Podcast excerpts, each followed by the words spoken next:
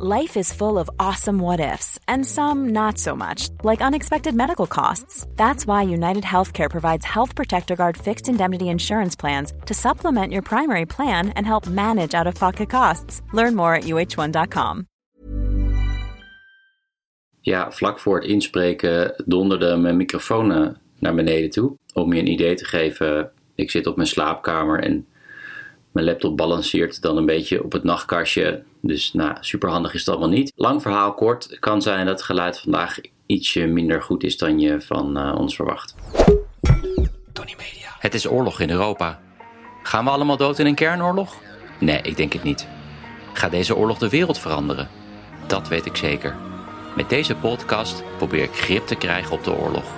Elke dag houd ik je hier op de hoogte van de situatie in Oekraïne en Rusland. Dit gebeurde er op dag 55 van de oorlog. Rusland is vannacht misschien wel het lang verwachte tegenoffensief begonnen.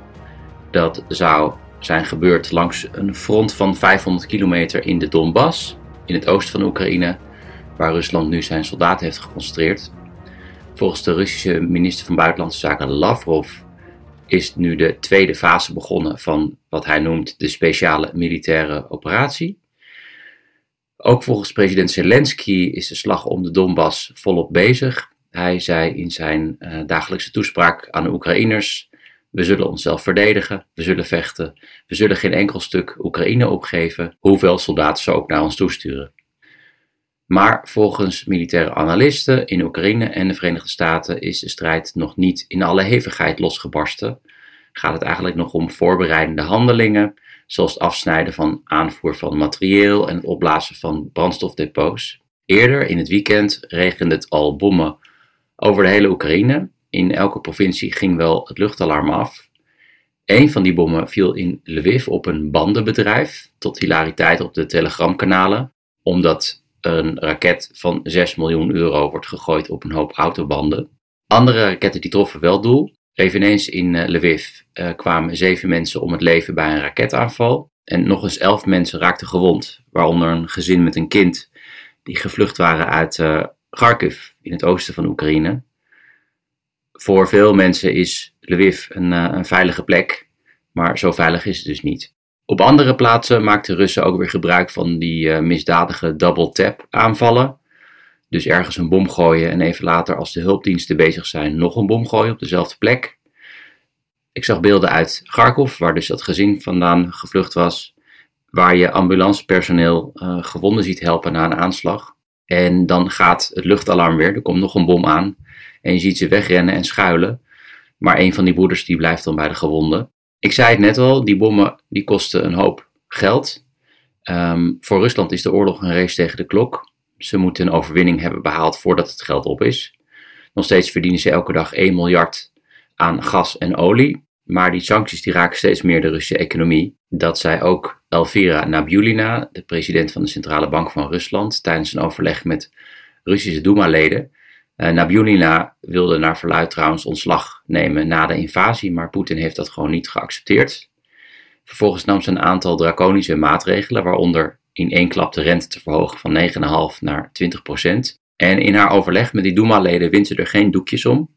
Ze zei dat die sancties nu nog de financiële sector treffen, maar binnenkort ook de reële economie. En vanaf juni zou Rusland een structurele transformatie doorgaan. Analisten zeggen dat dit een eufemisme is voor ja, een soort primitieve economie, zoals bijvoorbeeld de toename van de ruilhandel, die nu ook al in opkomst is. Oké, dan gaan we door naar de Russische media. Ja, de stupiditeit van de Russische media kent geen grenzen. Een veel gedeeld fragment, videofragment onder Russen is van een Russische oorlogscorrespondent in Oekraïne. Hij heeft een Poolse granaatwerper uh, in, die door de Russen in beslag is genomen in zijn handen. En hij laat de instructies van die granaatwerper zien. Natuurlijk zijn die instructies in het Pools. Maar die man is ervan overtuigd dat het een Amerikaans wapen is en dat de instructies in het Oekraïens opgeschreven zijn, maar dan met onze Latijnse letters in plaats van in het Cyrillisch, omdat ja, het waren Amerikanen. Kennelijk is de man niet op de hoogte van de Poolse taal. Verder op de Oekraïense telegramkanalen en op Twitter een beeld dat veel gedeeld is van een uh, dwornik die een raket aan het opruimen is. Een dwornik is iemand die verantwoordelijk is voor de binnentuin van de woonflats. De meeste Russen en Oekraïners ook in de steden wonen in die grote Sovjet-woonflats. En dan in het midden heb je een binnenplaats en dat heet een dwoor. En normaal zijn dat omaatjes die ja, een beetje alles schoonvegen en bierblikjes en wodkaflessen weggooien bij de bankjes. Maar nu loopt dus heel casual zo'n omaatje met een, uh, een raket. Uh, iemand heeft het geïdentificeerd als een onderdeel van een clusterbom. En dit beeld valt eigenlijk heel kernachtig samen dat die oorlog deel is uit gaan maken van het dagelijks leven van veel Oekraïners. Er staat een link naar de foto in de show notes. Verder viel mij een stuk op van de Russische journalistieke site Medusa. Helaas nu nog alleen in het Russisch. Als het in Engels verschijnt, dan laat ik dat zeker weten. Het is een interview met een 22-jarige man in Donetsk. Donetsk is de hoofdstad van de zelfverklaarde Volksrepubliek Donetsk.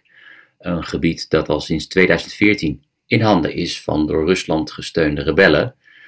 In de show notes zet ik een aflevering um, van een reis die ik maakte naar Donetsk in 2016.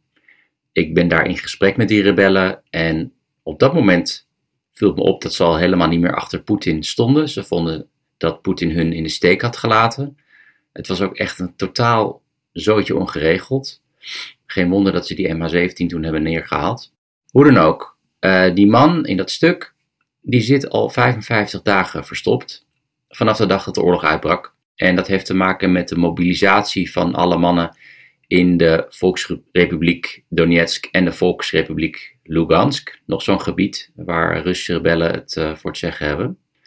Alle volwassen mannen die moesten zich melden om te vechten. Maar mannen hebben zich massaal verstopt. Volgens deze 22-jarige die anoniem wil blijven, uh, verstopt de hele mannelijke bevolking zich in Donetsk, ongeacht of ze met Rusland of Oekraïne sympathiseren omdat die dienstplichtigen meestal naar de moeilijkste plekken worden gestuurd. Ze worden gebruikt als kanonnenvlees. En ik vind het opvallend dat zoveel mannen zich daar verstoppen. Want dit zou toch bij uitstek de meest gemotiveerde mannen moeten zijn. Want denk maar na, ze wonen al acht jaar in een gebied dat onafhankelijk is van Oekraïne. Die oorlog bedreigt hun onafhankelijkheid. Als zij al niet voor de Russen willen vechten, wie dan wel in vredesnaam? Dit ook tot grote ergernis van uh, de Russen, die steeds meer op de mannen jagen. Uh, een vriend van de vader van de geïnterviewde ligt in het ziekenhuis met suikerziekte. En ze blijven voortdurend artsen dwingen om hem uh, te ontslaan uit het ziekenhuis, zodat hij naar het front kan. En die jongen leidt echt een afschuwelijk leven, want naar Rusland kan hij niet vluchten, want dan wordt hij gelijk opgepakt. Naar Oekraïne kan hij ook niet, alleen al vanwege de mijnenvelden. Want zijn huis ligt op het front en wordt de hele dag bestookt met graadraketten van de Oekraïnse zijde. Zijn moeder en zijn vriendin die geven hem soms eten, maar dat wordt ook steeds moeilijker door die, ja, door die bombardementen. En hij slaapt telkens een uur of twee en wordt dan wakker van of bombardementen of nachtmerries. En hij zegt in het interview: Ja, misschien klinkt mijn stem een beetje raar, maar ik heb al zo lang niet tegen een mens gepraat. Nou, ik had toch een beetje met hem te doen. Oké, en dan nog dit. Dit weekend doken beelden op van het vlaggenschip eh, de Moskwa, gefilmd vanaf een ander Russisch schip. En je ziet dat die Moskwa zwaar getroffen is. Er is ook een filmpje van drie seconden. Duurt maar heel kort, want iemand roept op seconde drie: Waar ben je verdomme mee bezig? En dan zet hij snel zijn camera uit. Er is nog heel veel in nevelen gehuld. Bijvoorbeeld waarom hij zonk. Maar vooral het lot van die 500 matrozen aan boord. Volgens de Russen is de hele bemanning geëvacueerd. Maar op de Russische tv ja, zie je die matrozen in het gelid staan voor de admiraal. Na het zinken van het schip, dus weer aan, eh, aan wal. Maar dat zijn maar 100 matrozen. Er liggen nog eens 200 in het ziekenhuis. Maar dan blijven er nog 200 over. Wat is er met hun gebeurd? Net als bij het zinken van uh, de onderzeeër de Koersk in 2001 is er geen enkele aandacht voor de mogelijke doden. En dat kan zich nog wreken, want boze soldatenmoeders die zijn gevaarlijk. Dat kan je terugluisteren trouwens op dag 36 van mijn podcast. De Russische krant Novaya Gazeta die spreekt een van de moeders van die uh, vermiste matrozen. Die matroos heet Jeker Skrebets. En Skrebets is dienstplichtig, dat is opvallend, want officieel zijn er geen dienstplichtigen actief in de oorlog. En hij is uh, scheepskok aan boord. In het Russisch is het woord voor kok ook kok. Heel veel scheepstermen die zijn uit het Nederlands overgenomen.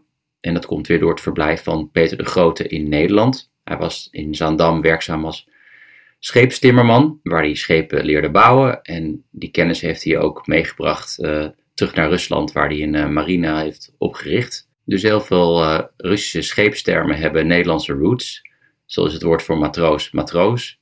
Bootsman is bootsman. Het ruim is trium. Sloep is sloepka. En mijn favoriet is Zutwieska. Probeer maar te raden. Dat is een zuidwester. Inval, even terugkomend naar het stuk, dat die matrozen geëvacueerd zijn, noemt die moeder een cynische leugen. Ze bezoekt met haar man het ziekenhuis waar 200 gewonde matrozen liggen. Vaak liggen ze daar zonder been of arm, wat nog maar eens bevestigt dat het waarschijnlijk een Oekraïense raket was die de boot deed zinken en niet dat er brand uitbrak, zoals de Russische autoriteiten nog steeds volhouden. Uh, haar zoon zat niet tussen de gewonden en ze spreekt dan een commandant aan, vraagt waar is mijn zoon en die antwoordt dan ergens op zee, denk ik. En dan zegt haar man kwaad, maar wat bedoel je daarmee? En dan zegt die commandant, ja, meer kan ik niet zeggen, ik was zelf niet op het schip. En dan worden ze dus allebei helemaal razend. Maar die moeder die zegt, ja, mijn zoon is dienstplichtig en hoort niet aan boord te zijn en gaat dood. Jij werkt, je bent officier op de Moskwa en je bent niet eens aan boord. Nou, dan gaan ze dus naar uh, het gebouw van de FSB om verhaal te halen. Staan ze bij het hek en dan roepen ze, kom naar buiten, lafaards. Uh, vertel waar onze zoon is. En iemand gebaart dan dat ze niks voor haar kunnen doen. En ja, dat ze dan niet gelijk worden opgepakt, zegt wat over de angst voor de ouders van dode soldaten. Vergelijk het maar even met demonstranten die met een wit vel worden neergeknuppeld. Versus ja, mensen die staan te schreeuwen voor het gebouw van eh, de Russische geheime dienst en waar niks mee gebeurt. Dat soort dingen zullen denk ik vaker gebeuren, nu naar verwachting steeds meer dienstplichtigen in de, zich in de oorlog eh, gaan mengen. Dit was voor vandaag. De advertenties voor deze podcast beginnen waarschijnlijk een beetje te lopen. Maar bedrijven kunnen natuurlijk altijd nog mailen naar adverteren.tonnymedia.nl. Tony is met een Y. Volgende week vrijdag is mijn eerste theatercollege in Doetinchem. De hele speellijst zie je in de show notes. Tot morgen.